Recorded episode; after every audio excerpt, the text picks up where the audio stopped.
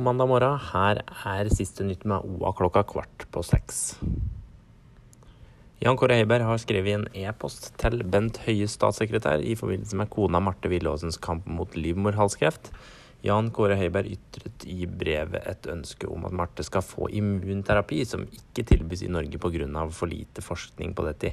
Heiberg han har sjøl samla inn eh, penger til forskning på denne behandlinga, bl.a. gjennom deltakelse i Finnmarksløpet. Jeg har lagt såpass mye energi i dette at jeg ikke gir meg ennå, sier Heiberg til OA. Han inviterer nå Høie på besøk for å se hvordan disse lever livet sitt. Asfalten på en to kilometer lang strekning på fv. 162 mellom Dokka og Snertingdalen skulle være miljøvennlig, men holdt rett og slett ikke stand da biler kjørte på den.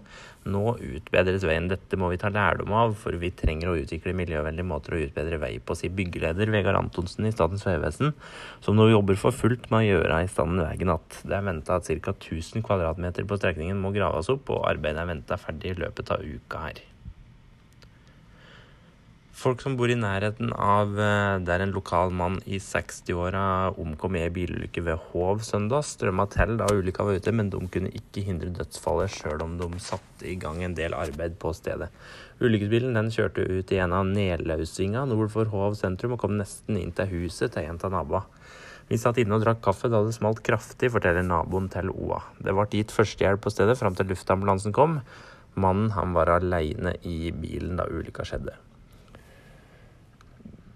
Klikk deg inn på oa.no for å få med deg det siste gjennom dagen. Ha en riktig fin mandag.